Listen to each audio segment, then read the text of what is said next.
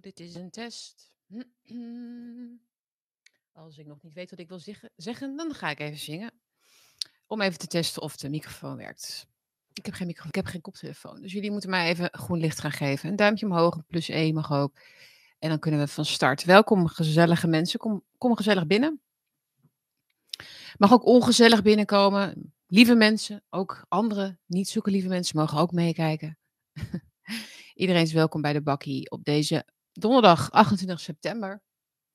Wat ongelooflijk dat deze maand ook alweer voorbij is. Hè? Nog steeds een beetje zomers buiten. Wel bewolkt vandaag.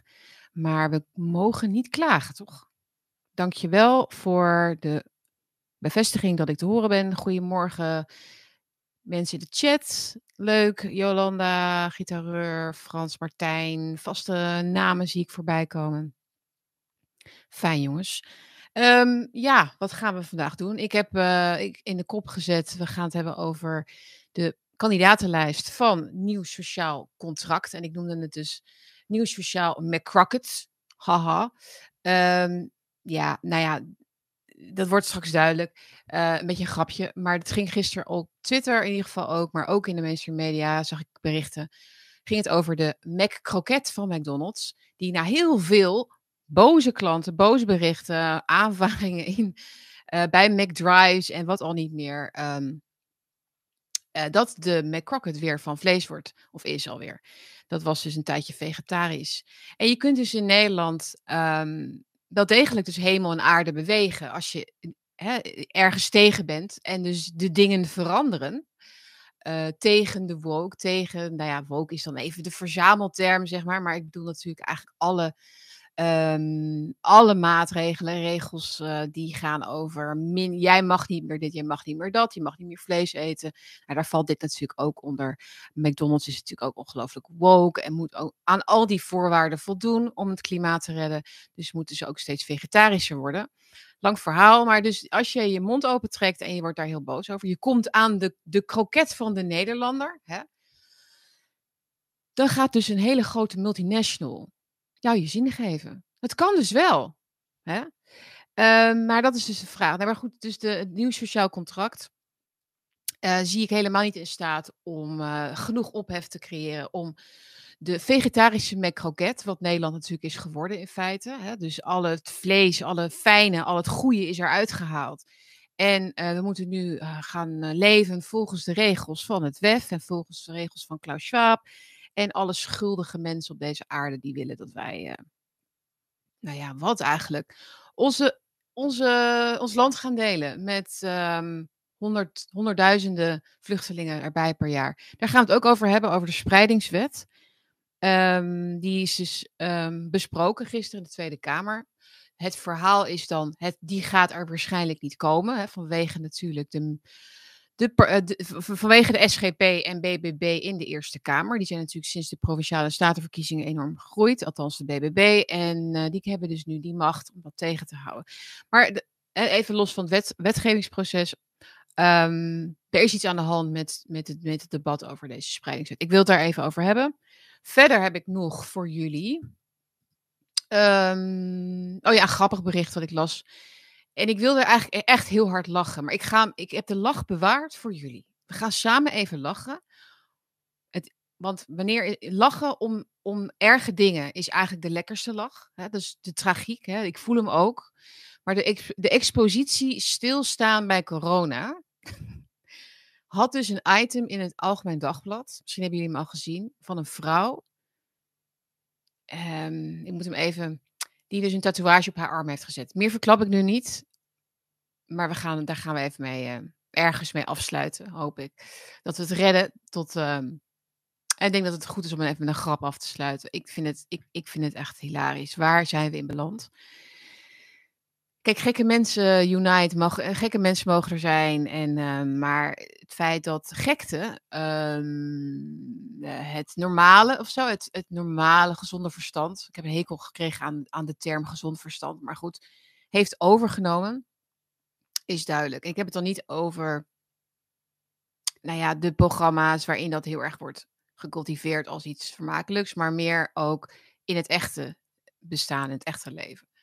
Ehm, overigens zag ik gisteren een berichtje over uh, van James Lindsay op Twitter. Die heeft ontdekt nu dat de volgende, het volgende privilege wat, moet, moet worden aangevallen uh, uit, uh, uit de woke um, beweging, zeg maar, komt dat, is natuurlijk na racisme, na uh, genderpolariteit, man-vrouw verschillen, uh, na economische ongelijkheid en oneerlijkheid, waar het ooit natuurlijk mee begon, is nu bedacht dat sanity een privilege is. Dus mentaal gezond zijn creëert dus ongelijkheid voor mensen die niet mentaal gezond zijn. Dat is oneerlijk voor mensen die gek zijn. Dus mensen die niet gek zijn, moeten gekke mensen voorrang geven bij bepaalde banen. Of ja, dit ging dan over.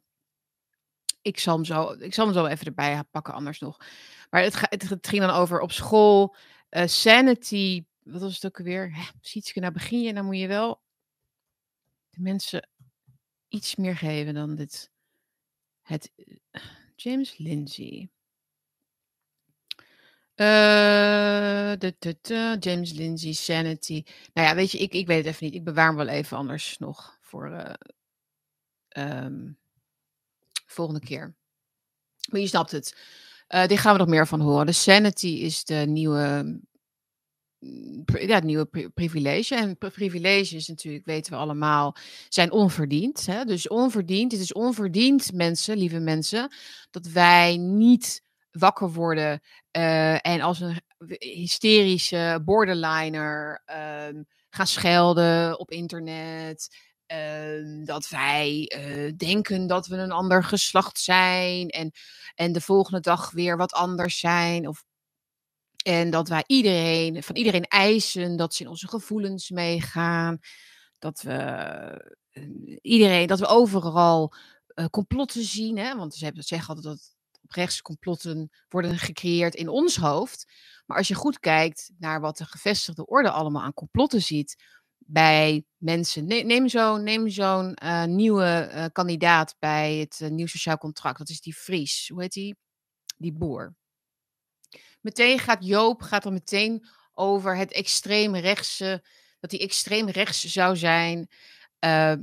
snap je? Ze zijn voortdurend aan het mindreaden. Ze zijn voortdurend ze zijn mentaal uitgedaagd. Omdat ze geloven dat iedereen die niet in hun fantasiewereld meegaat, hè, um, of die, die een obstakel is, dat is misschien beter uitgedrukt, een obstakel is in hun opportunistische wereldbeeld, waarin zij vooral nergens last van moeten hebben. De andere ideeën natuurlijk ook niet. Hè. Dus zij mogen niet bedreigd worden in hun bestaan als journalist of als kunstenaar of wat dan ook, de mensen die wij natuurlijk met name zien als politicus. Dus alles wat, daar, alles wat een bedreiging is, elk woordje is meteen Hitler. Dus dat is waar wij mee te maken hebben dag in dag uit. Die, die gestoordheid. Hè, die, ja, goed. Um, dus dat is de, de sanity. De sanity als um, laatste, jongens, als, als, als noem je dat, baken nog, wordt ook alweer uh, verwookt. Het duurt nog even. Het duurt nog even dat het in Nederland komt, maar het komt naar Nederland. Ik beloof het jullie, helaas. Uh, zo zag ik gisteren iemand twitteren van... Hoe komt het eigenlijk dat die transgender dingen zo enorm populair zijn ineens? God, dat zijn toch maar heel weinig mensen die dat zijn? Denk ik, onder welke steen heb jij geleefd? Die mensen bestaan dus ook nog. Oké, dat was dus ook een opiniemaker. Dus niet een, kijk, als jij zinvolle, nuttige dingen doet. Ja. Uh, mensen die dus niet zeg maar de hele tijd met nieuws bezig zijn, zoals ik, die nuttige dingen doen en die zullen daar misschien af en toe wat later achter komen. Dat vind ik alleen maar goed. Maar als jij opiniemaker bent en jij zit nog steeds uh, met je handen in het haar wat er nou aan de hand is met al die woke dingen en die klimaatdingen, dan heb je gewoon niet ben je niet geïnformeerd. Net als dat je niet geïnformeerd bent als je tegen het verbod op geslachtsveranderende, wat, wat niet kan, maar geslachtsveranderende operaties stemt. Gaan we het ook nog even over hebben. Dus we hebben het eigenlijk, eigenlijk, alles, we hebben eigenlijk alles al besproken. Weet je. We gaan even een slokje nemen, jongens. Er zijn nog vast nog wel mensen die nu, nu binnenkomen. Ehm, maar jullie hebben alvast de samenvatting gehad. Ja, Jan, ik zag het ook. Jan Staat zegt, Klaus Schwab was gisteren in Nederland. Wat moet deze rat hier? Nou, ik kan daarover zeggen dat ehm, het zou mij verbazen het zou, als, de, als Klaus Schwab niet af en toe in Nederland zou zijn. Natuurlijk is hij af en toe in Nederland. Het, het, het is misschien dat je oh, hij komt ook nog naar Nederland. Nee, maar ze hebben, ze hebben heel veel met elkaar te maken. Uh, Mark Rutte loopt al, uh, hoe lang al eigenlijk? Vijf jaar met die tas die hij die, die van Klaus Schwab heeft gekregen. That's his daddy. Hè? Klaus Schwab is his daddy. Of zoiets. Of een een of andere, andere rare ehm, afhankelijkheidsrelatie. Uh, machts, machtsrelaties. Maar in ieder geval, dat is toch niet meer dan vanzelfsprekend. Het is misschien nu zo dat het in het zicht gebeurt. Dus het feit dat hij in een. Volgens mij was het bij het Mauritshuis, toch? Dus bij het Mauritshuis stapte Klaus Schwab in een, uh, een auto. En had het ook dat had ook natuurlijk ergens anders wat meer, in, meer verborgen kunnen plaatsvinden. Maar ik denk dat ze dit willen. Ik denk dat er dat het langzaam, zeg maar, laten. Het idee laten ontstaan dat dit de werkelijkheid is nu, de politieke werkelijkheid is, dat dit onderdeel is van het beeld. Dat uh, eerst was het WEF natuurlijk vooral een concept, een logo, een, een, een, een, iets in Brussel Um, en nu zie je dus echt dat het meer om de spelers gaat. Meer om de. Ze zijn, ik, ja, ik noem het even dan, de munten aan het drukken met hun afbeeldingen erop. Om het even zo op die manier uit te drukken. Het zou, dat, is er natuurlijk niet, maar zo begint dat. Hè? Dus de gezichten worden bepalender in het, in het politieke straatbeeld. Omdat dat is wat ze moeten Um, macht is alleen maar leuk als je, als je het ook kunt laten zien, denk ik. En het ging dan over AI, geloof ik. Hè? Ze hadden een bespreking over AI, Rutte en Klaus Schwab. En uh, ja, daar is natuurlijk heel veel over te zeggen. Maar ik, uh, ik heb er 0,0 vertrouwen in dat dat gesprek gaat over hoe de burgers kunnen worden beschermd tegen te veel macht van de artificial intelligence. Dit gaat natuurlijk volledig over hoe dat kan worden gebruikt in hun voordeel. Het zou, sorry, dat, dit gaat niet over het kwaad zien in, in, in anderen. Dit is, dit is hoe het werkt. Het is toch, ik denk dat mijn publiek inmiddels zo ver wel is. Hè? Dus op het moment dat, je, dat, de, dat de macht instrumenten krijgt om hun macht te behouden, dan zullen ze dat altijd doen. Dat is, dat is eh, onzin om te denken dat, dat ze daarin een, een, stapje terug zullen nemen. Of dat, dat doen ze niet. En dat bewijst natuurlijk ook het optreden bijvoorbeeld van Trudeau, maar ook andere leiders die uit het WEF-schooltje komen. Doorgaan. Heb je gezien dat uh, Trudeau de um, voorzitter van het parlement voor de bus heeft gegooid? Nou ja, die is afgetreden nu vanwege die, uh, vanwege die staande ovatie, dat applaus voor die uh, SS'er. Ik heb het er vorige keer uitgebreid over gehad, gaan we niet nog een keer doen. Um, maar dat mensen nog steeds wel gechoqueerd zijn erover. Dat uh, stemt mij enigszins nog wel gerust dat er nog goede mensen zijn. Laat ik het zo zeggen. Maar uiteraard was het volgens Trudeau natuurlijk de schuld van extreem rechts. Het was de schuld van Rusland en extreem rechts. Zoiets hoor. Het was, het was duidelijk dat hij. Want dat is zijn. Dat is de. Ja, hij heeft maar één knopje, zeg maar. Dus hij, hij waarop, waar hij zelf op drukt. En dat is dan iemand anders de schuld geven. Uh, het maakt niet uit hoe geloofwaardig het is meer. Vooral Anne Frank inzetten als strategische move. Dat heb ik niet gezien. Oh, ze zijn alles, alles, all bets are off, zoals het in het Engels heet. Alles is nu geoorloofd. Alles. Um, iedereen wordt, iedereen die dus, die dus, ja, iedereen krijgt de schuld als het even, als het voor een dagje werkt, snap je? Als het voor een dagje het narratief kunnen beheersen, dan zullen ze dat doen. Dan zullen ze dat doen. Ja, Poetin is een hele dankbare, dankbare zondebok natuurlijk. Ik denk dat hij zelf uh, er het zijne van denkt. All fair, all is fair in love and war. Mhm. Oh ja, het kan door Russische propaganda, zei Trudeau. Ja, oké, prima hoor. Verder, onwards. Ehm, ja, voordat we verder gaan nog, ik heb uh, ook nog een opname voor jullie uh, klaarstaan in de edit. Ik moet nog de laatste uh, dingetjes aan doen. Nog even wat fine-tunen um, en hem uploaden op YouTube. Maar dat is ehm, sinds lange tijd weer eens een gesprek met een, met een gast. En ik denk dat ik hem morgen, ja, laat ik het maar gewoon, ja, als het technisch allemaal lukt, komt hij dus morgen online hier op Bakkie. Dus niet als live uitzending, uh, maar als uh, ja, opname met een gast. En dat is met Laura Slot. Uh, zij is historica. En ik heb haar vorige week uitgebreid gesproken in het echt. We hebben geluncht.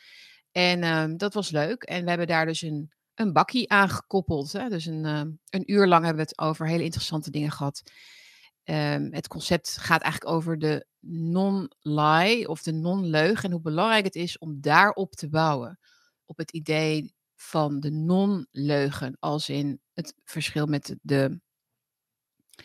Uh, een, beetje, een beetje de leugen en een beetje de waarheid, zeg maar, maar echt de non-leugen als ja, doel, zeg maar, als je dus een kunstenaar bent, maar ook als je een boer bent of anderszins ondernemer bent, om dat als je centrale thema te nemen in jouw verdere levensloop of levenspad, hè, om het zo maar even te zeggen. En hoe je dat doet. Dus compromisloos waarheid zoeken. Um, en hoe krijg je dat dan voor? Dus het is iets abstracter dan jullie misschien gewend zijn als we het hebben over oplossingen. Maar ik denk dat heel veel nieuwe tijden of nieuwe ideeën zich ook aan kunnen bieden via abstracte uh, onderwerp eerst. De woorden zoeken, zoals ik altijd zeg. Je moet eerst soms de woorden vinden bij wat we eigenlijk willen. Dus dat is eigenlijk ook heel belangrijk. En Laura is daar heel, heel goed in. Dus kijk vooral dat gesprek. Uh, dat is dus later online. Maar en ik heb ook nog een nieuwe gast voor volgende week al. Maar dat, dat moet nog gebeuren. Dus dat ga ik nog niet aankondigen. Maar ik ben dus bezig ook met, uh, um, met de wakkies samen met anderen. Dus dan weten jullie dat. Goed. Uh, Michael is er weer bij. Sietske, wat vind je ervan dat Pieter en NSC wel meedoen in alle kiesdistricten en een lijst van 44 mensen hebben? Heeft zich denk ik dus bedacht, wil wel de grootste worden. Wat denk jij? dat laatste, ja, die, die, die valse bescheidenheid, noem ik het dan maar even. Dat komt wel ergens vandaan hoor. Ik denk dat, dat er een deel van die bescheidenheid, wat, wat Lientje ook heeft, wel echt is. Het komt voordat een beetje een, een beetje een, het christelijke, een beetje een, een, een, karakter, een houding, uh, die, niet, die niet eigenlijk niet thuis hoort in de politiek. Hè? Want het staat nergens op. In de politiek kun je, niet, kun je geen valse bescheidenheid permitteren. Maar het is wel iets wat kiezers prettig vinden in Nederland. Hè. Dus hij is zo gewoon gebleven. En daar spelen ze heel erg op in. En daar hoort ook dat verhaal bij van wij hoeven niet de grootste te worden. Wij moeten elkaar gaan vasthouden. Wat hij dus de afgelopen twee maanden heeft gedaan met BBB. En dat, daarmee kweek je eigenlijk goodwill, denk ik, bij kiezers. Uh, het laatste wat kiezers namelijk willen is na 15 jaar Rutte iemand die zegt en nu gaan we er overheen walsen. En mensen hebben de tijd even nodig en willen eerst iemand weer gaan vertrouwen. Het, is, het, lijkt, het lijkt heel subtiel, maar dat is uiteindelijk natuurlijk wel heel wezenlijk. Maar uh, dat hij nu inderdaad dus overal meedoet en niet uh, voor een deel of, of, of, uh, dat soort taal ook niet meer gebruikt, is ja, omdat het natuurlijk niet vol te houden is. Natuurlijk is, in de politiek is het in de politiek belangrijk dat je zoveel mogelijk je kansen vergroot, toch? En zeggen dat je niet, dat je niet groot wil worden, is per definitie je kansen verkleinen, toch? Dan is het. Er, natuurlijk zijn er vast wel redenen te bedenken waarom er. Ja, of er zijn vast wel voordelen aan kleiner zijn of zo. En omzicht is echt wel iemand die dat vast wel kan bedenken. Want hij is gewoon zo'n zo, hij kronkelt altijd van redenering naar redenering over waarom die niet, waarom die niet tegen iets kan stemmen wat duidelijk iets is wat je tegen, waar je tegen wil zijn. Maar dan is er nog steeds een reden. Als hij het kan verzinnen, dan, dan verzint hij het wel. Snap je? Uh, als, als Pietje Precies, als Mierenneuker, als, als um, papieren tijger eigenlijk. Dat dit, dit gaat niet volgens de regels van deze moties en dit is te algemeen ge, gesteld of te suggestief. Of uh, zoals met dat verbod op de geslachtsoperaties van FVD. Dat was ook weer te. Help me even, er was iets mee. Uh, het is ook zo grappig hoe Caroline van der Plas altijd voor Pieter ook spreekt in tweets tegenwoordig. Luister even wat Pieter zegt daarover, hoor. Alsof ze een soort vriendje en vriendinnetje zijn. Get a room, zou ik zeggen. Uh, maar zij wijst dan weer naar, naar Pieter, want wat Pieter doet is goed, dus uh, val ons alsjeblieft niet aan. Dat ging dus over dat verbod op geslachtsoperaties. Ja, er, was, er was een soort argument wat ze hadden bedacht. Nou ja, um, goed, dat is, dat, is dat. Maar um, ja, ik, ik denk dat de psychologie van. Michael gaat er nog even op door, dankjewel. Dus inderdaad, een belangrijk punt uh, van. Uh, wat willen ze? Hè? Dat, houdt iedereen bezig. Um, zeggen dat je klein wil blijven, heeft ook een risico in, in, draagt, zich, draagt een risico in zich dat je dan ook inderdaad klein blijft. Mensen zijn psychologisch zo volgens mij ge, uh, gewired, bedraad, laat ik het in het Nederlands zeggen, dat ze de winnaar, dus de potentiële winnaar, graag volgen ook. Dat is helaas, nou niet helaas, dat is gewoon hoe het werkt. Um, dus als ik bijvoorbeeld zeg, iedereen in Nederland kijkt naar Bakkie met Bergsma. Iedereen kijkt en jij mist de volgende bakkie, dan voel jij natuurlijk dat jij, dat voelt niet lekker. Snappen jullie? Dat is de psychologie. Dus dat zou ik eigenlijk misschien vaker moeten zeggen. Dus als iedereen straks op NSC gaat stemmen, dan gaat iedereen op NSC stemmen, omdat zij dan de grootste kunnen worden en echt iets kunnen veranderen. Ja, aantallen maken natuurlijk heel veel uit. Maar er zijn wel meer dingen vreemd in de communicatie uh, van omzicht naar de media. Uh, en naar de media, dat, dat is natuurlijk ook naar ons dan natuurlijk bedoeld. Uh, en een daarvan, uh, een van die rare dingen, is natuurlijk de kandidatenlijst zelf. wat ik dus de NSC McCrocket kandidatenlijst noemde. De McCrocket. De verandering, hè, dus de mensen willen terug naar de, naar de gewone McCrocket in Nederland. Die willen dat het weer, dat, dat, dat het weer normaal gaat. Hè. Gewoon normaal doen gewoon weer vertrouwen in de macht, in de regering, in, in onze leiders. Daar hebben mensen behoefte aan. Bestaanszekerheid natuurlijk. Mensen willen basis. Mensen in Nederland zijn heel snel tevreden, maar ze moeten wel bepaalde dingen hebben. Dus een autootje, een vakantie, um, een biertje, naar een voetbalwedstrijd kunnen. Um, en dat zeg ik niet denigerend of zo, van simpele dingetjes. Maar dat is toch, dat is natuurlijk heel heel belangrijk um, om te hebben. En ik denk dat als je daar onzeker over bent als Nederlander, dat je dan eindelijk in beweging gaat komen. Dat is wel, dat is gelukkig wel aan de hand. Die mensen komen nu in beweging, gaan dus verlaten het CDA, verlaten andere partijen, verlaten linkse partijen en kijken dus naar omzicht. Maar die biedt, dus, die biedt dus wel die kroket die ze graag weer willen, die, die gewone normale vleeskroket op een broodje. Ehm, met een biertje en een voetbalwedstrijd.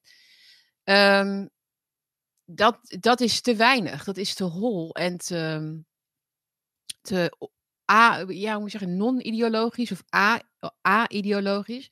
Ik zie geen enkele ideologie behalve dan het contract, het sociaal contract, wat een oud rechtsfilosofisch concept is wat heel veel, over heel veel hoofden heen gaat, denk ik, wat dat betekent. Uh, en mensen worden er trouwens ook nerveus van, omdat het lijkt op wat het WEF uh, heeft um, gebruikt ook. Uh, new, social, new Social Contract. Um, daar gaan we het vaker nog wel over hebben. Van wat bedoelen ze daarmee? Want het partijprogramma is dus nog niet beschikbaar. Dus daar kunnen we nog niks zoveel over zeggen. Maar wel dus over de mensen. En ik zie gewoon hele koude kroketjes. Ik zie uh, oud-CDA'ers. Ik, zie, ik zag ook een paar mensen. En dat één iemand waarvan ik weet, weet, ik kan ik echt niet zeggen. Dat is echt iemand die um, persoonlijk ooit, nou ja, dat, lang geleden, een heel slecht persoon die echt over lijken gaat.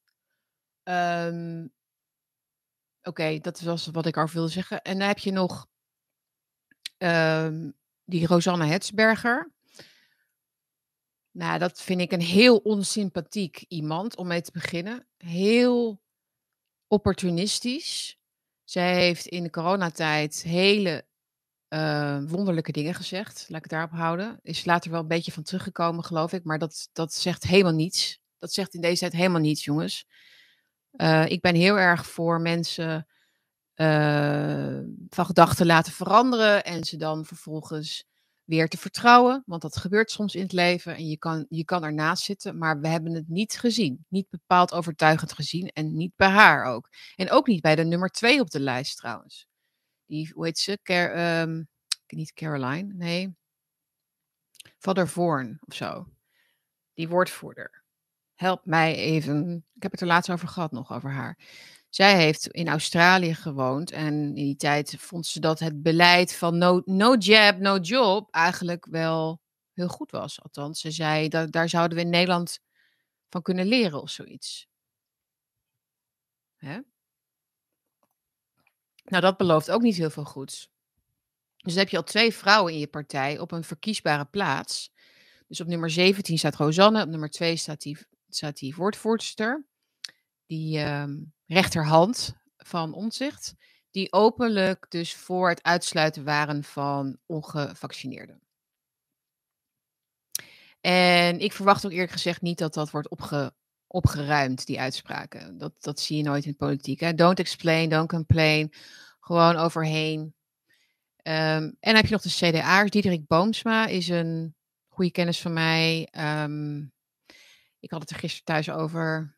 Waarom gaat Diederik Boomsma erbij? Ik denk dat, dat er ook heel veel CDA'ers, zeker die bij de gemeente hebben gewerkt zoals hij, ook na zoveel jaar denken, ik wil ook wel eens een keertje. Ik wil ook wel eens een keertje wat meer. En ja, dat is ook opportunisme. Opportunisme hoeft niet per se vanuit een slechte uh, intentie te komen.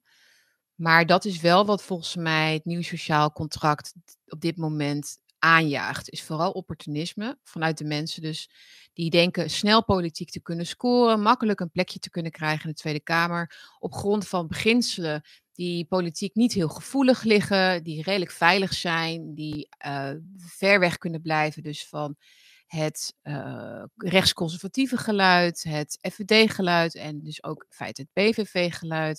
Ze hoeven zich niet te branden aan immigratie, dogma's of uh, taboes of andere zaken. Ze hoeven niet. Ze kunnen met corona kunnen ze het elke keer gooien op. Ja, we wisten het niet. Of we gaan leren van onze fouten. Ze kunnen zich overal doorheen glibberen. Omtzigt zal dat zeker ook uh, aanmoedigen. Of zal dat, zal dat prima vinden, want we zijn, wij zijn een beschaafde partij. Hè? Wij zijn een keurige partij zonder smet. Dus een smetteloos imago. Ja, dat vraagt om mensen die eigenlijk niet zo heel veel te bieden hebben uiteindelijk. Die dat smetteloze graag willen. Die niet te veel risico's willen lopen. En waarschijnlijk nadat de verkiezingen zijn geweest ook heel makkelijk in te kapselen zijn. Ik kan het niet anders uh, beter of leuker brengen denk ik dan dat. Politiek is niet de oplossing. Nee, dat is ook to totaal niet wat ik ooit zal zeggen of suggereren. Uh, maar het kan wel heel veel schade aanrichten. de oplossing komt niet van de politiek, maar de schade wel, helaas. Dus dat. Uh, dat uh, waar gaat dit over? We hebben het over de kandidatenlijst van NSC. Dat dus. Um, niet zo, niet zo interessant. Een beetje wat, je, wat we konden verwachten, denk ik. Er zit, zit, zelfs nog een VVD erbij, geloof ik ook. Viel jullie nog iemand op? Um,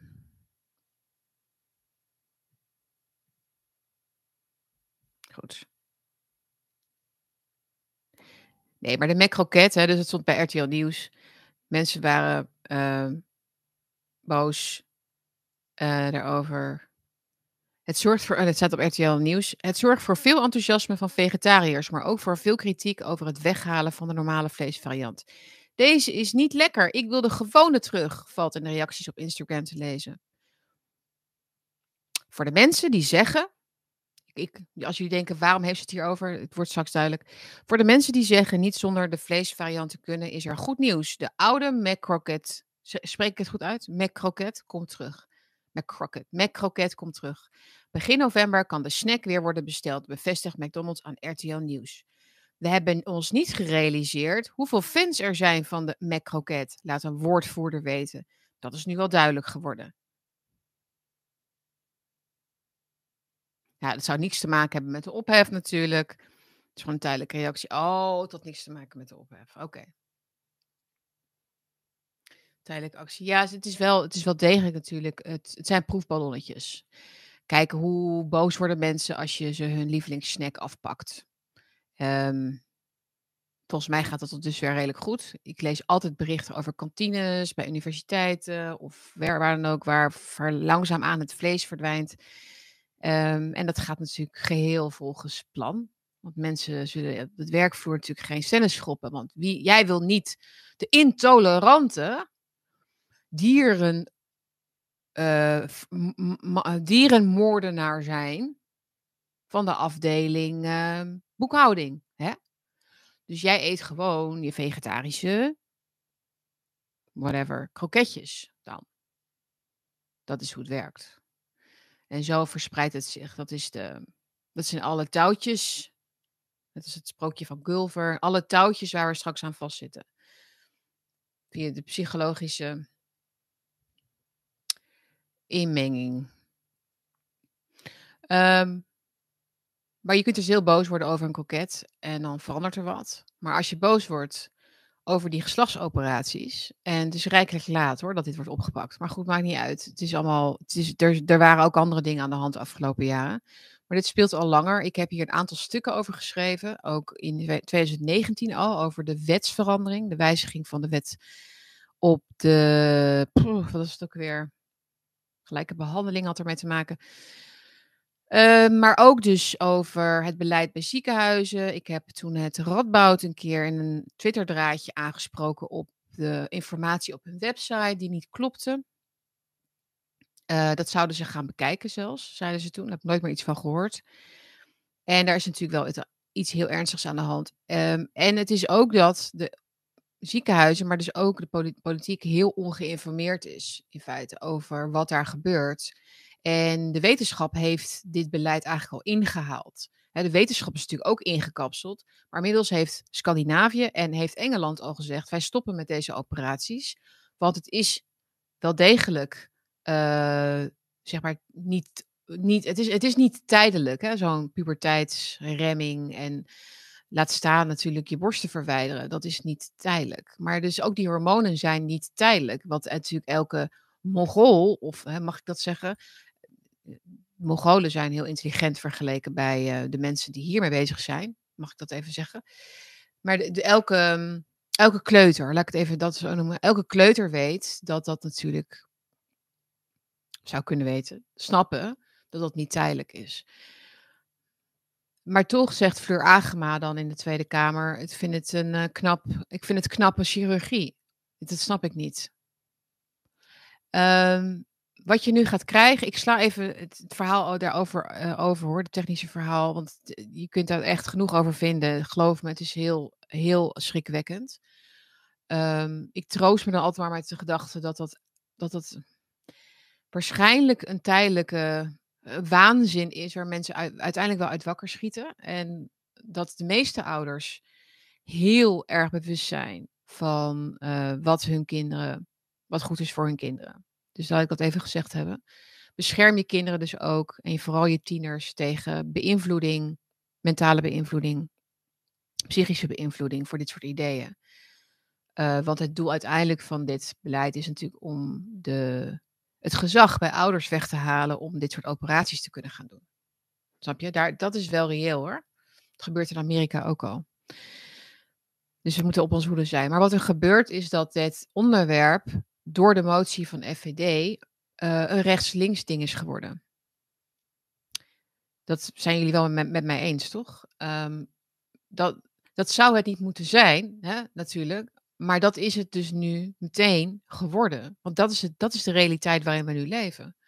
Dus dit is Dus je, je zegt eigenlijk, zijn wij, zijn jullie, hè, wij zijn FVD en zijn jullie tegen het, um, ondersmeren van onze kinderen met hondenpoep of zoiets. Hè? Dan zegt iedereen, nee, daar zijn wij, daar, daar zijn wij niet voor, daar zijn wij tegen. Wij willen niet onze kinderen insmeren met hondenpoep. Ik zeg maar wat. Maar als uh, in 2023 je zegt, uh, wij willen een motie indienen om te voorkomen dat kinderen worden ingesmeerd met hondenpoep elke ochtend, dan denkt dus zelfs Fleur Agema, of dat denkt zelfs uh, een, een, een NSC, of nee, die zijn nog niet in de, in de Kamer, maar dan denken zelfs partijen aan die kant dus van, uh, ja, dit, ja, maar ik kan niet, ja, maar dat is FVD. Dus wij gaan niet polariseren, want dit wordt het een, dan wordt het een polariserend onderwerp. En polarisatie is, is inmiddels erger geworden, of het idee van polarisatie, het idee van uh, een onderwerp, dus politiseren, is voor de Fleur Agema, sorry, ik, ben, ik was altijd wel fan van haar, maar nu even niet meer. Het politiseren van het onderwerp zien zij dus als een probleem in zichzelf. Ik denk dat dat erachter zit. We willen het niet naar, die, we willen het niet naar die, dat, dat kamp trekken. We willen niet naar dat kamp getrokken worden.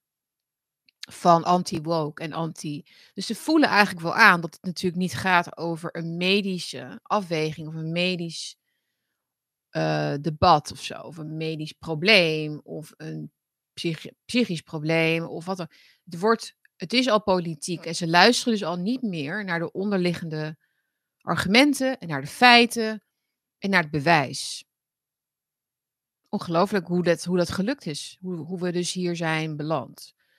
Het maakt niet meer uit hoe waanzinnig het is, hoe duidelijk het, hoe duidelijk het in strijd is met de zorg en de verantwoordelijkheid die wij hebben als ouders, als land, als nou ja, beschaving voor de kinderen. De, dat wij niet meer het eens kunnen worden over het feit dat kinderen op elfjarige leeftijd geen keuze kunnen maken tussen hun geslacht. En dat idee alleen al, dat daar een keuze te maken valt, niet eens kunnen weglachen. En naar, naar het land der fabelen kunnen verwijzen. Van. Maar kinderen fantaseren natuurlijk over alles. Dus um, elke puber gaat door fases. Godzijdank heb ik niet bij alles wat ik dacht te zijn of zo uh, meteen een passende operatie gekregen, zullen we maar zeggen. Nou ja, ik, niet dat ik uh, zo, maar je, je, denkt, je denkt voortdurend van, ah, ik, ben, ik ben een superster of ik ben die of ik ben... Ja, dat je bevestigd wordt in je depressie in feite ook. En in je onzekerheid. Fleur is op dit onderwerp echt 100% sociaal-liberaal. Ze herhaalde keer op keer hoe zielig het is voor die kinderen om geboren te zijn in het verkeerde lichaam. Ja, ja. ja dat, dan heb je dus al die aanname, heb je dus al geaccepteerd dat daar zoiets is als het geboren zijn in het verkeerde lichaam. En dat je, dan kun je ook dus niet meer zien hoe uh, paradoxaal het is wat je zegt. Hoe innerlijk tegenstrijdig het is wat je dan zegt. Um, uh, nou ja, dat, ik weet niet of dat. Maar dus dat het. het je hebt zoiets als een verkeerd lichaam. En een goed lichaam of zoiets. Maar man-vrouw verschillen zijn eigenlijk heel subjectief. Snap je? Dus hoe weet je nou, dus hoe kun je nou ooit echt concreet objectief vaststellen wat je dan bent? Toch? Dan, dan waarom zou je dan eigenlijk hormonen moeten nemen, Fleur? Waarom moeten kinderen dan testosteron nemen? Um, en moeten ze hun borsten verwijderen als zij al man zijn, toch? Als het, als het gewoon een kwestie is van gevoel. Waar heb je dan dat lichaam nodig dan? Dan zijn er dus wel mannen en vrouwen. Ik, ik vind het ook wel eens vervelend als het regent of zo en heel koud is. En dan kan ik zeggen, ik ben, ik, ben, ik ben wakker geworden in het verkeerde weer of zoiets. Maar dan is het nog steeds regenachtig of te warm of zoiets. Um, ik wilde hier vandaag eigenlijk niet heel, heel lang bij stilstaan. Uh, ik denk wel dat er, dat er uh, genderdysforie bestaat. En ik denk ook dat mensen hulp moeten krijgen. En dat er in sommige gevallen best wel. Uh, dat het best wel ethisch kan zijn, opportun kan zijn. En andere dingen kunnen meespelen waarom dat wel goed is voor iemand individueel. Maar zeker niet als je jong bent. Zeker niet, omdat dat een, een fase is. Kijk, de puberteit remmen ook, hè, zoiets als eh, het remmen van puberteit. Het is een rite passage. Puberteit is, heeft een hele belangrijke functie in het volwassen worden. Die kun je niet zomaar er even eruit knippen. We gaan even pauzeren. we gaan even de baan om de aarde gaan we even pauzeren. We gaan even, we knippen gewoon even de zomer eruit. We knippen even gewoon een deel eruit. Een deel van, de, van het verloop van jouw leven, van wezenlijke deel van jouw leven gaan we eruit knippen. Ja, het is, het is werkelijk uh, bizar. Ja, maar dat je dat aanneemt al. Kinderen die in het verkeerde lichaam zijn geboren. Wat ook heel grappig is, moet je maar eens kijken. Er, er zijn heel veel YouTube-kanalen die daarover over gaan. De bewijzen dat veel van die kinderen die dus dat voelen, dat ze in het verkeerd lichaam zijn geboren, hebben allemaal knetter, knetter progressieve ouders. Die overal pride-vlaggen hebben en zo. En zelf ook, weet ik veel, issues. Toevallig, hè? Of dan zijn er twee kinderen in één gezin die allebei een ander. Oh, dat is ook toevallig, zeg. Wat toevallig dat jou juist die kinderen, die helemaal zichzelf zijn, die helemaal door niemand zijn beïnvloed verder, dat die nou juist, nou ja, zeg, het is eigenlijk een wonder. Ik zou niet weten waar dat zou kunnen zijn. Ja, die zelf trans zijn, inderdaad. Het is een cult. Het is onderdeel van de cult. Het is onderdeel van een cult, idee van het bevrijden, van, de, van, van het gewicht van het bestaan, van je lichaam, van alles wat normatief is. De norm, de norm is, daar gaat het om. Het is natuurlijk een fictie.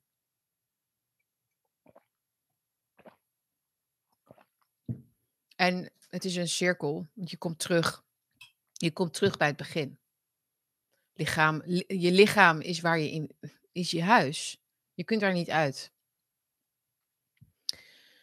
Goed. Um, wie nog meer uh, zegt: dit is ons huis, is, um, zijn de vluchtelingen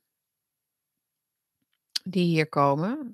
De spreidingswet, die gaan we nog even doen. En dan nog even de expositie stilstaan bij corona. Om even te lachen. Dus dat. Ik moet heel even op adem komen. Ja, nou ja. Ik ken een kind dat echt genderdysforie had. Ja, ik, ja, dat bestaat. Maar heb jij niet ook het gevoel, het idee dat dat het niet, het probleem niet uh, naar de oplossing toe gaat, zeg maar, maar dat de oplossing naar het probleem wordt gebracht? Waarom moeten die genderpolies allemaal uitbreiden?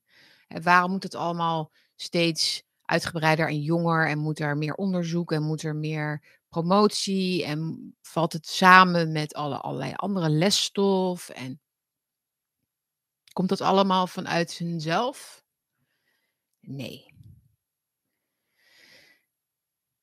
Oké, klinieken sluiten. Nou, de Radboud heeft voor mij een hele kwalijke rol hierin. Want die hebben dus op een site staan. Volgens mij, de, de laatste keer dat ik keek, stond er nog op dat, dat het uh, de hormoonremmers, of de, sorry, de puberteitsremmers met hormonen, dat dat um, omkeerbaar is niet onomkeerbaar is. En dat is niet zo. De medische literatuur daarover, de onderzoeken daarnaar zijn heel erg duidelijk. De, heel veel schade um, geconstateerd bij met name ook meisjes in de bouw van hun, dus in hun botstructuur, wat dus niet doorontwikkeld. Dus ze krijgen hele broze botten. Ze hebben eigenlijk de botten naar puberteitsremmers van een vrouw van 60, 70 op hun zestiende. Oké, dus ze breken dingen, ze hebben uh, hun eierstokken ontwikkelen zich niet goed, hun baarmoeder niet. Um, dus dat kun je niet weer aanzetten en dat dat dan wel gaat werken. Uh, er zijn problemen met het ontwikkelen van het brein. Ja, je zou zeggen, ja, dat brein, wat heb je nou aan een brein? Hè? Het gaat erom dat je die borsten niet meer hebt en dat je je een man kunt voelen. Want dan, heb je, ben je een man en heb je geen brein. Dat, is, dat, dat, dat kan natuurlijk niet. Hè? Man zonder brein, dan ben je een soort vrouw nog steeds, toch? Dat. Maar dat gaan we allemaal negeren. Dat die kinderen uh, op alle terreinen in hun lichaam eigenlijk malfunctionen. Dus alles valt uit. Maakt niet uit. Je mag wel jezelf zijn. Kom maar, kom maar gezellig. Oh, jij voelt je zo, dan gaan we je dit geven. Ja, en dan maken we dan van je onderarm en eh, of je been of zo, dan maken we dan een, een penis van. Die niet werkt verder. Dan voel je echt een man. Er is geen betere manier om je echt jezelf te laten worden en je man te laten voelen door iets aan jouw lichaam vast te zetten wat niet werkt. Daarmee ga jij echt de wereld veroveren. Ja, ik heb het er nog steeds over.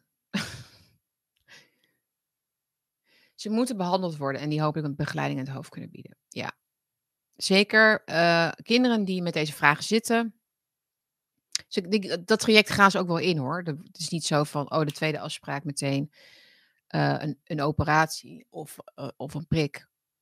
maar ik, ik heb weinig vertrouwen op dit moment in de psychiatrie en de psychologie, omdat die dus ook heel erg werken met die aannames. Hè? Dus het is al bijna, in Amerika ook, mag je al bijna niet meer um, de identificatie van een kind in twijfel trekken. En dan krijg je al het label bigot. Uh, kijk maar naar Jordan Peterson. Hè, die, heeft dat, die heeft daar dus ook de gevolgen van ondervonden. Hè. De psycholoog Jordan Peterson, die dus kritiek had op deze praktijk. En nu kijkt, uh, of nu te maken heeft met een, um, met een hele, noem je dat, groep. Uh, de Board of, of Psycho, ik weet niet. In ieder geval, Canada wil hem dus verwijderen van de, van de bevoegdheid, was het woord, om nog psycholoog te zijn, om die reden.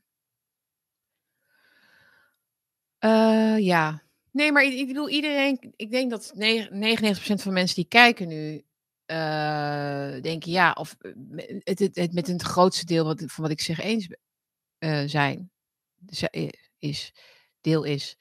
Uh, maar ja, dat is nu dus een politiek verhaal geworden.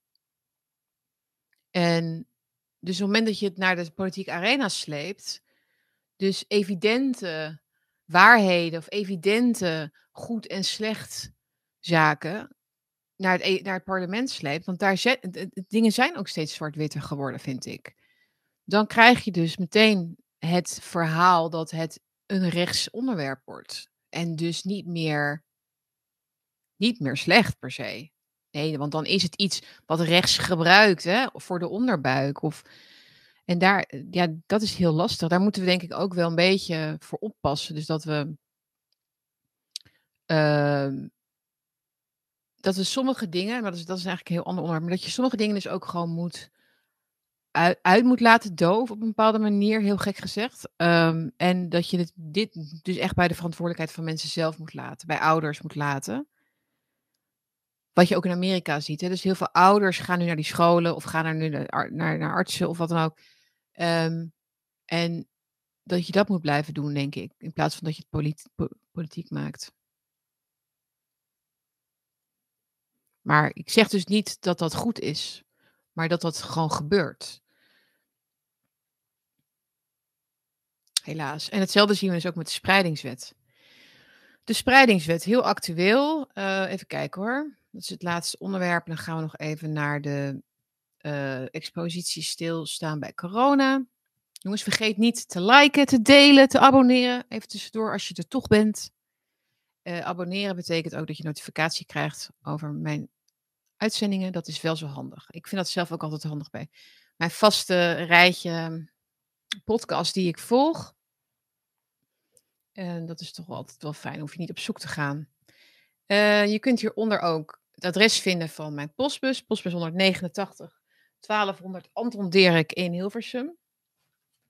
En ik heb mooie brieven gekregen, die zijn wel wat uitgebreider, dus die ga ik niet allemaal lezen, maar heel erg bedankt daarvoor.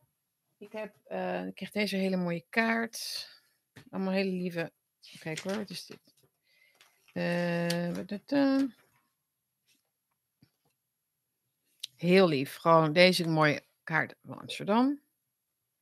Amsterdam. Kijk, is mooi hè? Ik was vroeger altijd gek op toen die kijkdoosdingetjes en zo. Dus dit is wel aan mij besteed. Heel erg mooi. Iemand die stuurde mij deze kaart. Zij of hij, weet ik niet, die vond dat ik wel op een bison leek. Dat vind ik heerlijk, omdat dat, dat vind ik zo creatief, dat soort dingen. Hoi ik heb ooit op een veld gestaan in de vrije natuur met graven, grazende buffels. Ook oh, buffels zijn het. Het zijn hele wilde dieren die in actie komen als je, te, als je ze uh, tegenkomt. En wel massaal, gewoon op het gevoel. Jouw intentie bepaalt of ze in actie komen, waar ze op afgaan. Niet mooie praatjes of zo. Dat is heel zuiver. Het is iets wat in mijn ogen grotendeels ontbreekt heden ten dagen. In het bepalen van de koers en wat er tussen mensen aan de hand is. Maar in jou herken ik iets van de buffel. Dat vind ik heel mooi. Daarom een bijdrage waarmee ik hoop dat je zo doorgaat. Dag, wacht mensen, groetjes, Leontien.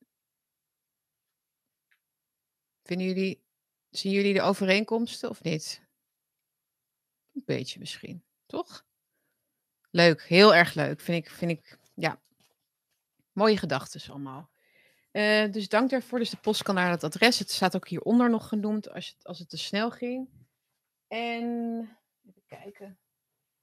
Uh, ja, ik zou ook nog even een, um, een post maken met wat meer uitleg over de donaties. Daar, omdat ik daar een aantal mailtjes van kreeg. En die blijven ook komen over het oudere, de oudere situatie toen met Jan Benning. En ik wil dat eventjes uh, uitgelegd hebben. Waar precies de donaties nu aankomen.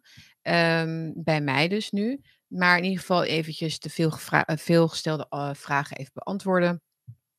En ik hoop natuurlijk dat jullie weer opnieuw mij willen steunen elke maand of een eenmalige bijdrage willen doen. Iets kleins, een kopje koffie, uh, dat geeft mij de moed om door te gaan. En de zin ook en de tijd om, uh, om dit te maken voor jullie. En het idee is dus ook om dat vaker met anderen samen weer te gaan oppakken. Omdat dat vaak wel door jullie wordt gewaardeerd. En ik vind het leuk. Alright, um, dat was even tussendoor de spreidingswet is. Ik had hier wat aantekeningen over. Werd gisteren. Uh, ik zag gisteren een clipje voorbij komen. waarin Caroline van der Plas samen met een CDA een confrontatie had in de Tweede Kamer. Die ga ik even laten horen. En dan gaan we het even over hebben. Want wat vooral opvalt. Uh, is dat. Even kijken hoor. Sorry voor dit. Ik moet hem wel even voor me hebben. Van deze. Uh, even kijken. De, de spreidingswet is dus niet, is niet controversieel verklaard. Dus dat is één. Dus hij wordt gewoon behandeld. Maar dan hebben we de staatssecretaris van de Burg. Die vanuit de VVD dus eigenlijk die wet niet meer wil of zo, geloof ik. Maar nog wel vanuit de oude, het oude voorstel dus nog wel verdedigd vanuit het idee dat het solidair is om de vluchtelingen die in Nederland binnenkomen te spreiden over alle gemeentes. Naar ratio dus van grootte van de gemeente enzovoort. Dus eerlijke verdeling, dat soort zaken. Dat is onderdeel van de spreidingswet. En daar zit ook het dwangelement dus in vat hem even kort samen. Ik kan het stuk dus niet vinden, dus ik moet het even uit mijn hoofd doen. Uh, dus daar zit ook het dwangelement in, dat mits of tenzij dus uh, gemeenten dat niet vrijwillig willen doen. Waar kennen dat van, hè jongens? Tenzij, hè, jullie, het is natuurlijk vrijwillig. Jullie mogen vrijwillig aanbieden om vluchtelingen op te nemen. En als dat niet vrijwillig gaat, dan kan er dus dwang worden uitgeoefend op gemeenten om vluchtelingen op te nemen, om dus de last bij andere gemeenten weg te nemen. Solidariteit, jullie kennen het wel. Het riedeltje. Het riedeltje, jongens. Solidariteit is belangrijk. En ik zie dat overal nu langskomen, ook in de, in de berichtgeving in de mainstream media, is dat de focus daarop moet liggen. En dat BBB dus daar de focus vandaan wil halen. Dus van, ze willen niet, het ze willen niet solidair zijn of zoiets. Maar dat is volgens mij niet het probleem. Want als je naar Lientje luistert, Vind je het irritant dat ik Lintje zeg de hele tijd? Nee, het is gewoon korter. Caroline. Mag ik ook wel, kan ik ook zeggen hoor. Uh, maar het, het, is een BBB eigen, hè, wat, wat, wat, wat is. Maar... Uh, aan de andere kant, ja, kijk, wat, wat gewoon echt een zoektocht is. En uh, in, de inbreng van mevrouw van der Plas is dat ze telkens warm en koud tegelijkertijd blaast. Aan de ene kant opkomen voor al de voorbeelden die u net noemt, ter Apel. Hoeft u niet uh, opnieuw te herhalen, ik ben het helemaal mee eens. Aan de andere kant een 15.000 eis stelt. Uh, aan de andere kant zegt, ik wil eerlijk spreiden. Maar het kan niet allemaal tegelijkertijd waar zijn. En dat maakt het zo ingewikkeld om u bijna ja, vast te pakken, zeg maar, met wat u nu wil. Uh, want ik heb een visie. Uh, als die visie het niet wordt, dan, uh, dan geen spreidingswet. Maar dan blijft toch de vraag staan, geen spreidingswet. En tegelijkertijd wel in het noorden en in het oosten uitspreken, ik kom voor jullie op. Ik weet wat jullie zorgen zijn. Ik weet precies wat de zorgen van die mensen daar zijn. Namelijk dat de rest van Nederland geen solidariteit heeft betracht de afgelopen tien jaar. En dat die mensen dat willen. Dat die mensen snakken naar een overheid, naar een politiek die gewoon eerlijk is. Die eerlijk is over dat het internationale recht gewoon veel ingewikkelder is dan in 2024 een VN-vluchtelingenverdrag aanpassen. Een EVRM opzeggen. Dat is gewoon een nexit. Dat is niet een, een eerlijk verhaal. Dat is tegelijkertijd heel veel uh, warm en koud tegelijkertijd blazen. En dat vind ik zo ingewikkeld, want u laat altijd zien dat u volgens mij voor eerlijke politiek staat. En ook eerlijk wil zijn richting de mensen waar u voor staat. Dank u. Dus ik ben echt de weg kwijt. Mevrouw van der Plas. Nou, dat zal meevallen, denk ik. Um, ja, kijk, een, een, een eerlijke politiek. Um, daar kom ik nogmaals terug op uh, mijn interruptiedebat met uh, heer Brekermans. Voorzitter, weet u wat mensen in Nederland willen? Dat het niet zo ver was gekomen. Dat er jarenlang in, hier in debatten wordt gesproken over een, een dragelijke opvang van asielzoekers, maar ook voor oog en oor hebben uh, voor mensen en voor gemeenten wat ze, kunnen, wat ze aankunnen. En dan kan de heer Van der Brink of het CDA, hè, dat kan mij inhoudsloos en visieloos noemen. En het is allemaal niks, die hebben geen ideologie. Dat kan maar, nee, maar dat maakt me allemaal niet zoveel uit. Ja, dit, is een langere versie dan ik wilde laten horen. Uh, dat is zo grappig hoe zij uh, die CDA de dingen in de mond legt die hij niet heeft gezegd. Geen ideologie. Dat is dus over de BBB. Maar goed. Um, wat, wat Caroline hier doet, wat BBB hier doet, um, is uh, vallen voor het concept van um, thinking past the sale, heet dat. En dat gebeurt eigenlijk al jaren in de politiek op dit onderwerp, op het thema immigratie en uh, asiel, wordt uh, gewerkt met het middel, zeg het, het instrument thinking past the sale of het bewust gaat of niet, maakt even niet uit. Maar het werkt dus wel, waarbij er nu concreet met de spreidingswet in feite al niet meer kan worden gepraat over het inperken van de aantallen, maar om het spreiden van heel veel mensen. Op basis dus van solidariteit, op basis van uh, de, de, de lasten verdelen. Waar, waar, het ging er net ook al even over. Het oog en oor hebben voor de mensen en waar zij mee zitten enzovoort. Dat is natuurlijk de, de BBB-stem, maar ze doen in feite allebei hetzelfde.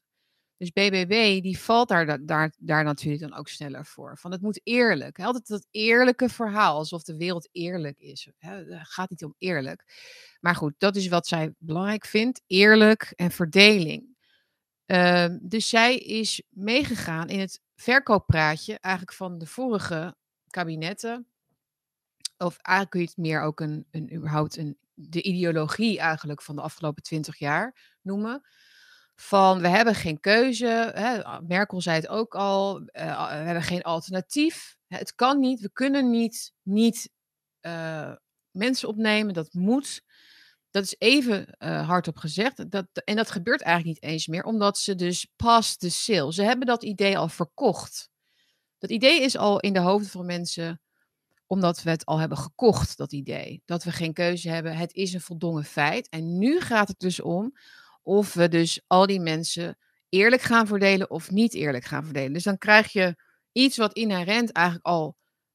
Het, dus het onderliggende probleem wordt niet meer aangekaart, wordt niet meer, is niet meer bespreekbaar. Is, daar, daar zijn de woorden eerlijk en solidair niet meer aan de orde. Want die woorden hebben we nu verplaatst naar het, naar, naar het kopje um, hoeveel mensen waar en wat is eerlijk. Is het eerlijker om 15.000 mensen in Ter Apel te brengen? Of is het eerlijker om dat te doen in, ergens bij Eiburg of uh, een ander, of op Schiermonnikoog of zo? Misschien is dat wel eerlijk. Hè? Op Schiermonnikoog hebben ze nog nooit een asielzoeker gezien. Dat wordt wel eens tijd, toch? Dat is eerlijk. Het is eerlijk als iedereen een beetje een beetje moet ja, een beetje moet inleveren, een beetje een, een, een tandje bij moet zetten, hè, zijn, zijn solidaire kant moet laten zien. Hè, jullie hebben dat nog niet gedaan. Dus dan krijg je dat, dus dan wordt het voorbij de verkoop. Thinking past the sale is een uh, persuasion techniek. Je kunt het gewoon opzoeken op Google. Het staat er vol mee. Het is zo jammer dat heel veel mensen uh, daar te weinig mee werken. Dus op rechtse met name ook, hè, met de persuasion technieken die heel veel uh, zijn gebruikt door de gevestigde macht. Het, is, het werkt. Het werkt. Um, taal is een wapen. we zouden dat veel meer moeten snappen.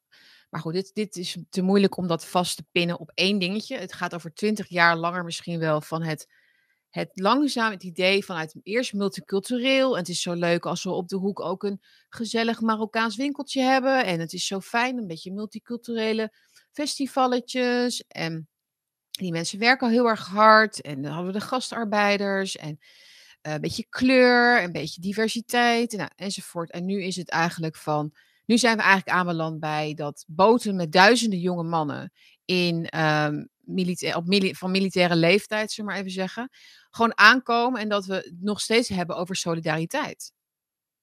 Terwijl dat woord hoorde dus ooit bij vrouwen, kinderen, mensen die moeten vluchten voor, voor dictaturen en, en voor vervolging en voor niet mogen zijn wie ze willen zijn omdat ze homo zijn of christen zijn of de, nou ja, al die groepen die we hebben gehad natuurlijk in het verleden. Waar we, die we terecht hebben opgevangen. Uh, maar dat is nu helemaal weg. De solidariteit is helemaal losgemaakt naar iets wat niet, waar, waar, waar, waarin de ander, dus die, die, die persoon waar we de solidair mee moeten zijn, is los, ja, die, die zien we daarin niet meer. We moeten nu solidair zijn naar elkaar. Dus ik, Sietske, moet solidair zijn naar iemand in Ter Apel. En uh, voor die mensen in Ter Apel, omdat ik hun niet tien inbraken in een maand gun, zeg maar, moet ik zeggen, ja, dan kom, kom maar bij mij dan. dat, ik zeg nu even persoon, maar het gaat over gemeente. Dus de ene gemeente moet zeggen, ja, oké, wij nemen dan wel wat last, overlast op ons. Of overlast. Het is overlast. Als je geen plek hebt voor mensen, is het overlast. Ik zie, ik ga ook al een beetje soort, nou is het het zijn mensen en mensen kun je niet slecht behandelen. Ik denk dat iedereen daar redelijk eensgezind over is. Die hoeven niet buiten te slapen. Die laat je niet, met kinderen zeker niet, um, als ze al kinderen hebben. Maar het feit dat we er geen ruimte voor hebben, zou, zou de discussie moeten zijn. Hetzelfde gebeurt in Amerika dus ook. Dus ik, uh, ze zijn nu zelfs, uh, om, omdat het zo um, onhoudbaar wordt de situatie nu in Amerika, bij de grens. Er komen heel veel mensen op dit moment binnen. Zijn ze nu in de mainstream media bezig met Trump de schuld te geven van een slecht immigratiebeleid en dat hij niet voldoende heeft doorgepakt?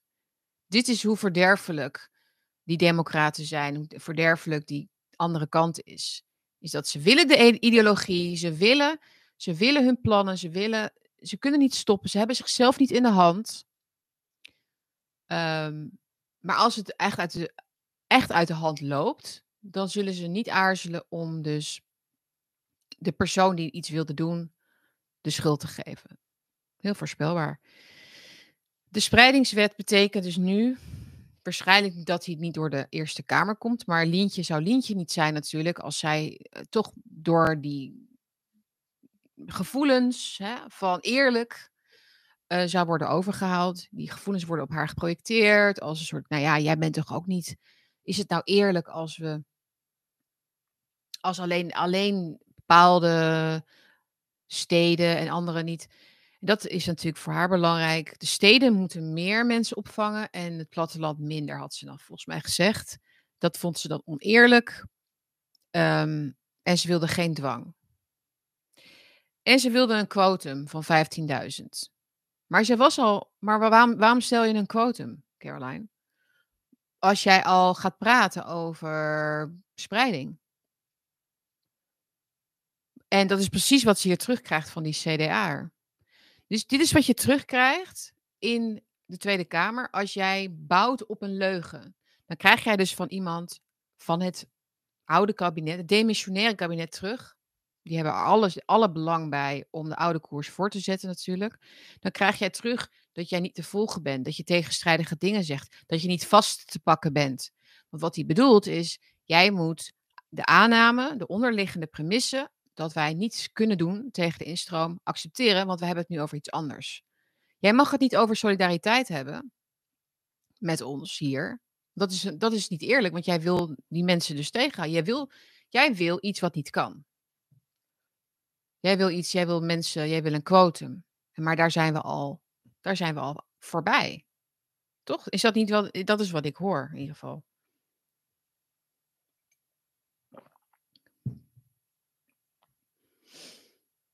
Oké. Ehm, thinking past the sale. Maar het is een beetje alsof je naar een dierenwinkel gaat en je wil misschien uh, een puppy of zo. En uh, daar zijn dan. Je, wil je hebt in je hoofd dat je een puppy wil, misschien. En die dierenwinkel-eigenaar, die, is, heeft een goede dag en die heeft er zin in. En die ehm, laat je dat puppetje vasthouden en je raakt helemaal verliefd op dat puppetje. En, maar hij heeft er nog vijf andere. Dus heeft hij het over, ja, maar je kunt best wel vijf puppies wat, hè, wat voor huis woont u? Dan gaat hij het vragen. Nou, ik heb ook een grote tuin. Oh, maar dat is fantastisch. Maar die puppies moeten eigenlijk bij elkaar blijven, want dan zijn ze eigenlijk gelukkiger. En dan denk je, ja, het is ook wel zo. En uh, op het moment dat je dan zegt, ja, ik heb eigenlijk al plek voor, voor, ja, ik vind het eigenlijk wel leuk. Misschien moet ik gewoon een puppy opvang beginnen. Of misschien, en je wordt helemaal, je krijgt helemaal de geest. En voor je het weet, ga je naar huis. Uh, of heb je een, een, een, een contract of heb je een aankoop gedaan voor vijf puppies. En dan komt hij de puppies brengen en dan komt hij ineens met twintig puppies. En dan is hij bezig met waar de puppies dan allemaal zouden kunnen slapen. Hè, maar u heeft heel veel plek. Het is al zielig voor die 21ste puppy. Die 21ste puppy, uh, dat is een uh, wees. Dat is, die heeft zij helemaal geen ouders meer. En, en die is wel gehecht geraakt aan die andere. Snap je? Ik bedoel, dus dan heb je eigenlijk nooit besloten dat je die ene wilde. Je hebt besloten dat je een idee niet wilde bestrijden. Dat jij een persoon met, met 50 honden.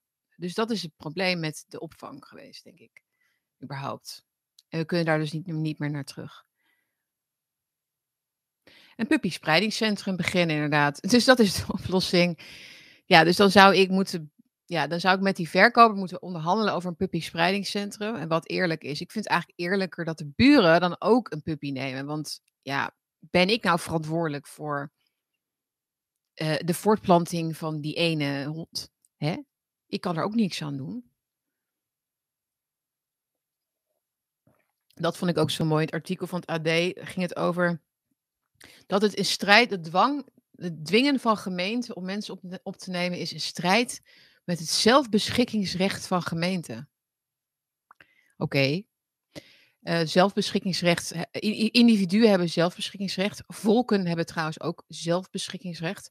Staten kunnen ook zelfbeschikkingsrecht hebben, maar het is een heel abstract beginsel. Het, is, het, is, het hangt heel erg samen met welke mensen worden vertegenwoordigd door die staat. En die hebben zelfbeschikking ten opzichte van andere staten. Maar de, het zelfbeschikkingsrecht van gemeenten is heel erg uh, te begrijpen in het licht van de, de, Den Haag is ook maar een mens.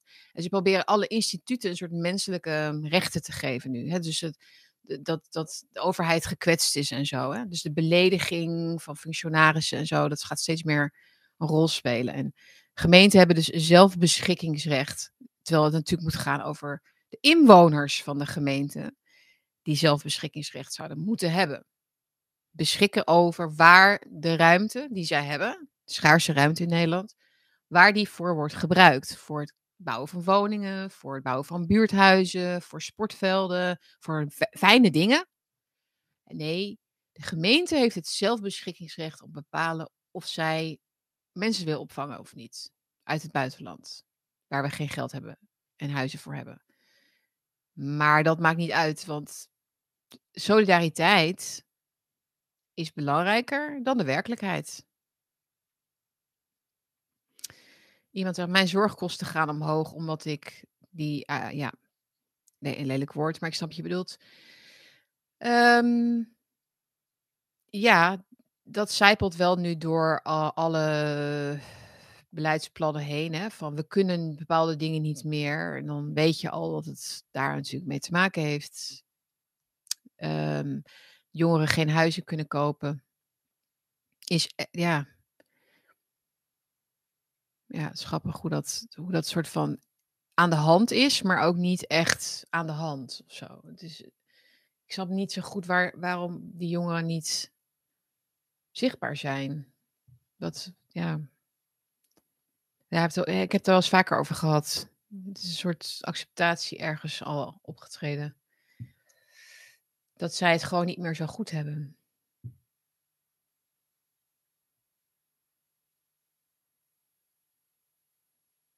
Uh, hier gaat het nog even over corona, zie ik. Hè, de solidariteit is natuurlijk ook heel erg blijven hangen na die periode, denk ik. Maar het is ook heel eh, eh, typisch Nederlands cultureel iets, denk ik. Uh, een soort conversatiestopper is het ja, in feite. Het is solidair. En dan doe je en, en, en, en, en dat het dan geen dwang is als je het vrijwillig doet en zo. Ik vind dat heel grappig. Dus dat je denkt, ja, nee, ik, ik doe dat vrijwillig, want ik wil niet gedwongen worden. ja, oké. Ik, uh, ik ga vrijwillig uh, met deze man mee naar huis, want ik wil niet gedwongen worden tot uh, iets. Of zo. Dwang, mensen. Zullen we dat ook weer eens even opnieuw definiëren? Dwang. Dwang is, dat doen mensen en overheden die geen voldoende gezag hebben en geen macht hebben eigenlijk over ons. Die gebruiken dwang. Niet omdat er iets mis is met ons gedrag. Maar ja, het gaat nog een tijdje duren, denk ik, voordat we dat doorhebben. We gaan naar de. We gaan naar de. Dit, uh, de, het grappige bericht wat ik las. Uh, tot slot hoor. Ik probeer tegenwoordig een beetje onder een uur te blijven, maar dat lukt nog niet echt, zie ik. Excuses als het allemaal een beetje te lang duurt. Maar ik merk wel dat er, er is genoeg stof uh, de laatste tijd om, om het over te hebben. Ik, het is al een tijdje anders geweest. Dat ik het idee had dat, dat heel veel dingen heel erg aan het. Um, heel erg op elkaar leken. En alles was een beetje soort van in een soort sluimer of zo. Een jaar of twee geleden toen. Maar er gebeurt wel van alles. En ik zie dat maar als iets gunstigs hoor, als iets goeds. Um, en dat kunnen jullie ook terugzien in het gesprek wat ik met Laura Slot had. Voor mensen die later binnenkwamen. Ik heb een opname met Laura Slot gemaakt. Dat komt morgen online. Gesprek met haar. En daarin hadden we het ook over uh, het met rust laten van je vijanden. Als ze vijanden, hè, even in het algemeen. Um, als ze fouten maken. En dat is wel, wel uh, aan de hand. Het is alleen zo jammer dat ze zo, zoveel mensen meesleuren. De, de laatste, het, is, het is wel vergelijkbaar met de laatste dagen van, van, van een soort van Sovjet-regime of zo. Alleen jammer dat we geen muur hebben wat we om kunnen trekken. De, het Westen, noem ik het dan maar even. Um, ik zit, als ik even stilval, dat heeft echt te maken met die chat ook. Ik wil toch even wat, een beetje wat meekrijgen van de, de stemming in de chat. Uh, en wat oppakken daaruit als, het, uh, als dat kan. Als het niet te veel afleidt van het onderwerp. Ongeveer. Ja, ik zie Klaus Schwab weer voorbij komen. We hebben het in het begin al even over gehad. Hè, dat het eigenlijk heel, ja, het is toch heel logisch dat hij hier rondloopt. Um, misschien was de tas van Rutte een beetje versleten. En kan die een nieuwe brengen. Dat was het toe aan een nieuwe tas, denk ik. En een beetje hard onder de riem steken. Kom op, Mark. Je bent demissionair, maar kom op, wij houden nog van je. In Brussel, bij het WEF, houden we nog van je. En samen doen wij een Reset. En het komt allemaal goed. Kom op. La la, tas vol nieuwe ideeën. Ja, maar dat is, er zijn geen nieuwe ideeën. Ik zit elke keer te denken, nou, nu, er moet toch wel iets van een, uh, een grotere, imposante plan komen. Maar dat komt er niet. Dit is het. Uiteindelijk gaat het natuurlijk gewoon om macht en geld. En die mensen zijn niet creatief. Ik zeg de mensen zijn niet creatief, uiteindelijk Omdat ze. Ja, la- maar. nee, het is. hm. Ja, dat ligt aan hoe je slecht ziet. Met slecht bedoel ik dus niet iemand die. ehm, een schilder als Picasso die twintig vrouwen heeft. Dat is niet wat ik daarmee bedoel. Maar gewoon iemand die vol zit met resentiment. Met haat voor de wereld en de mensheid. Dat bedoel ik. Die kunnen niet heel, die kunnen niet heel makkelijk afwijken. Want dan nemen ze allemaal risico's. Ze kunnen alleen maar nadenken over hoe andere mensen klein te houden. Ja, maar het kwaad kan niet creëren, alleen imiteren en vernietigen. Perfect. Dat is perfect. Dat is, dat is, dat is het. Imiteren, ja. En die imitatie, dat is ook de. Heel kort even hoor. Dat is ook in die coronatijd heel duidelijk geworden, vind ik. Is het gebruik van bepaalde woorden. Hè, die liggen in het empathische eh, idee van. Oh ja, mensen moet je eh, beschermen en zo. Maar heel, dus maar heel oppervlakkig, heel tweedimensionaal als het ware. Dat mensen opdelen in eh, z- kwetsbaren en dan had je zorgverleners en had je kinderen. Oh ja, kinderen was dan een beetje. Die, die zijn echt letterlijk door, door, die, door, die, door, die, door die maloten vergeten. Eh, Dat, dat konden ze niet gebruiken. Dus dat, dat was dan te dichtbij of zo voor mensen. Maar ouderen in verzorgingstehuizen wel. Die is dan ver weg. Die kunnen we niet echt zien. Dus al die woorden, die imitatie van, van democratie, de imitatie van elkaar vasthouden en voor elkaar zorgen en door een crisis heen komen. Dat is heel duidelijk. De nieuwe toverwoorden, turbotaal, duurzaamheid, precies, Piet. Ook zoiets. Duurzaam, duurzaam. Ja, ik, ik bedoel, wie is er tegen duurzaam?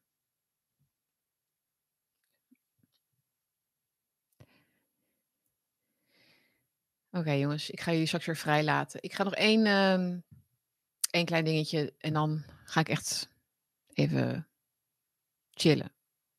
Chillen met de billen, zoals we hier thuis zeggen. Eh, er zat in het AD, stond artikel van een vrouw, Ariane de Jong. En zij heeft op haar arm, op haar linkerarm, of rechterarm, wat is het op de foto, een middelvingerafdruk van haar overleden broer John laten tatoeëren. Oké. Dit is, dit is, was getekend 2023. Eh, en ehm, we zijn dus nu hier aanbeland bij nou, dat dit bestaat en zo. Maar ook dat dit dus in de krant komt. Dus er is een vrouw die voor een expositie, dus niet alleen in de krant, er is ook een expositie, die heet Stilstaan bij corona. Die vrijdag, dus morgen, door de koning wordt geopend in een bos. Dus de koning komt naar een expositie, dat gaat over corona, waarin deze vrouw, dus op haar, eh, in feite dus wordt eh, tentoongesteld. Hè? want Het is een expositie waarin zij haar verhaal mag doen. Zij heeft dus haar broer verloren in die coronatijd eh, aan corona. Of met corona, dat wordt natuurlijk niet duidelijk in het stuk. Maar we moeten maar gewoon aannemen dat hij een, een vreselijke dood is gestorven door corona. Dat maakt niet uit of het echt zo is. Het is gewoon een feit. Oké? En dan zegt zij, eh, stomme lul, kutwappie, ik ben zo boos. Twee dagen na de dood van haar broer John probeert Ariane de Jong alle verdriet, frustratie en boosheid van zich af te schrijven op Facebook. Haar bericht begint met die drie korte, krachtige, krachtig ook, krachtige zinnetjes aan het adres. Krachtig, kutwappie is dan krachtig, oké. Aan het adres van haar vroegere bondgenoot. Het is dan 22 december 2021 en Nederland zit net weer in lockdown om de coronapandemie te beteugelen. John de Jong geloofde helemaal niet in het virus, tot het hem letterlijk de adem benam. Ja, ik heb eh, een natuurlijke aversie, of gewoon aversie tegen ehm, mensen die eh, pas overleden, dierbaren of vrienden of collega's of wat dan ook, allerlei woorden of ideeën in de, in de, in de mond gaan leggen of zo. Zeg je dat? Die dus dingen aannemen eh, die heel ver gaan in feite. Dus het niet geloven in een virus. Deze persoon kan zich niet verdedigen. Die kan niet alsnog zeggen het zat anders. Of dit, zijn geen uitspraken die je doet over iemand die pas is overleden. Ehm, dat sowieso. Dus dat vind ik al heel, heel storend. En dat zou, dat zou ook volgens mij een regel moeten zijn bij de krant. Ehm, of je moet iemand anders nog aan het woord laten. Misschien doe ik iets te journalistiek nu, want het is natuurlijk allemaal gevoelskwestie, maar toch. Um, Ariane de Jong praat graag over haar overleden broer om de goede herinneringen levend te houden. Nou, dat, dat lukt dan aardig. Door hem een kutwapje te noemen. Maar goed, levend te houden en meer grip te krijgen op de traumatische coronatijd. Mm Ze blijft na zijn dood Facebook-berichten tikken over haar gemoed en heeft haar verhaal al kort gedaan voor de camera's van Nieuwsuur. Uiteraard. Oh, Nieuwsuur. Iemand zegt kutwappie. Dus dan, maak, dan ben jij echt gewoon een fantastisch fantastische inspiratie voor een expositie. dat is hoe de, hoe de media werken. Oh, je bent een arts. Je bent een arts die een patiënt heeft verloren. Kun je dat nog even nadoen, dat telefoontje? En zo. Dat is hoe de media werken. Ze is een van de 44 vertellers van de expositie Stilstaan bij Corona, die vrijdag door de koning wordt geopend in het provinciehuis in Den Bosch. Oh, oké. Haar persoonlijke ervaring staat in die rondtrekkende expositie. Oh jee, hemel, het trekt ook nog rond. Voor iets groters, voor het wantrouwen in de overheid. Ja. Oh, wat is dit lelijk. Maar goed, ik ga niet helemaal. Maar dit is. Um, wat heeft ze nou gedaan? Daar moest ik dus om lachen. Sorry, maar ik, moet, ik moet, lach dus om haar en niet ten koste van hem. Maar zij, zij, zij doet hier zo'n uh, nare lijken. Zeg je dat schennis?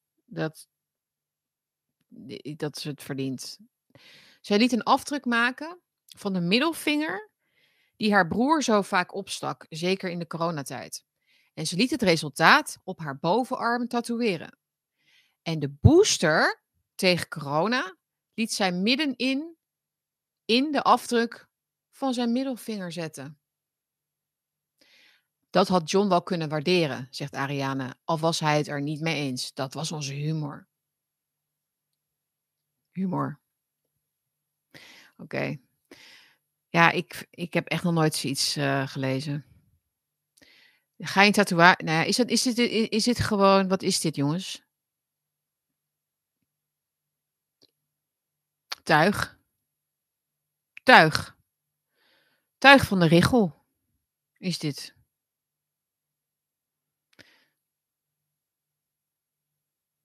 Je had zo'n goede band met elkaar. Je was zo gek op je broer. was je, wat was het ook weer? Ehm, zo was hij, hè, had zo'n humor. Uh, ja, en dan ga ik een booster zetten in jouw middelvinger.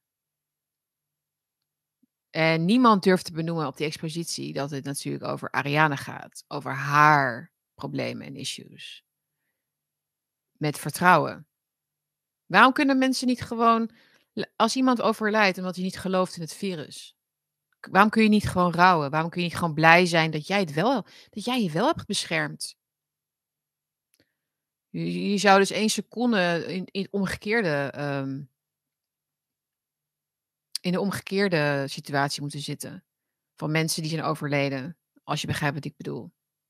Heb ik dicht bij huis meegemaakt. Kan het niet. Ik, ik bedoel.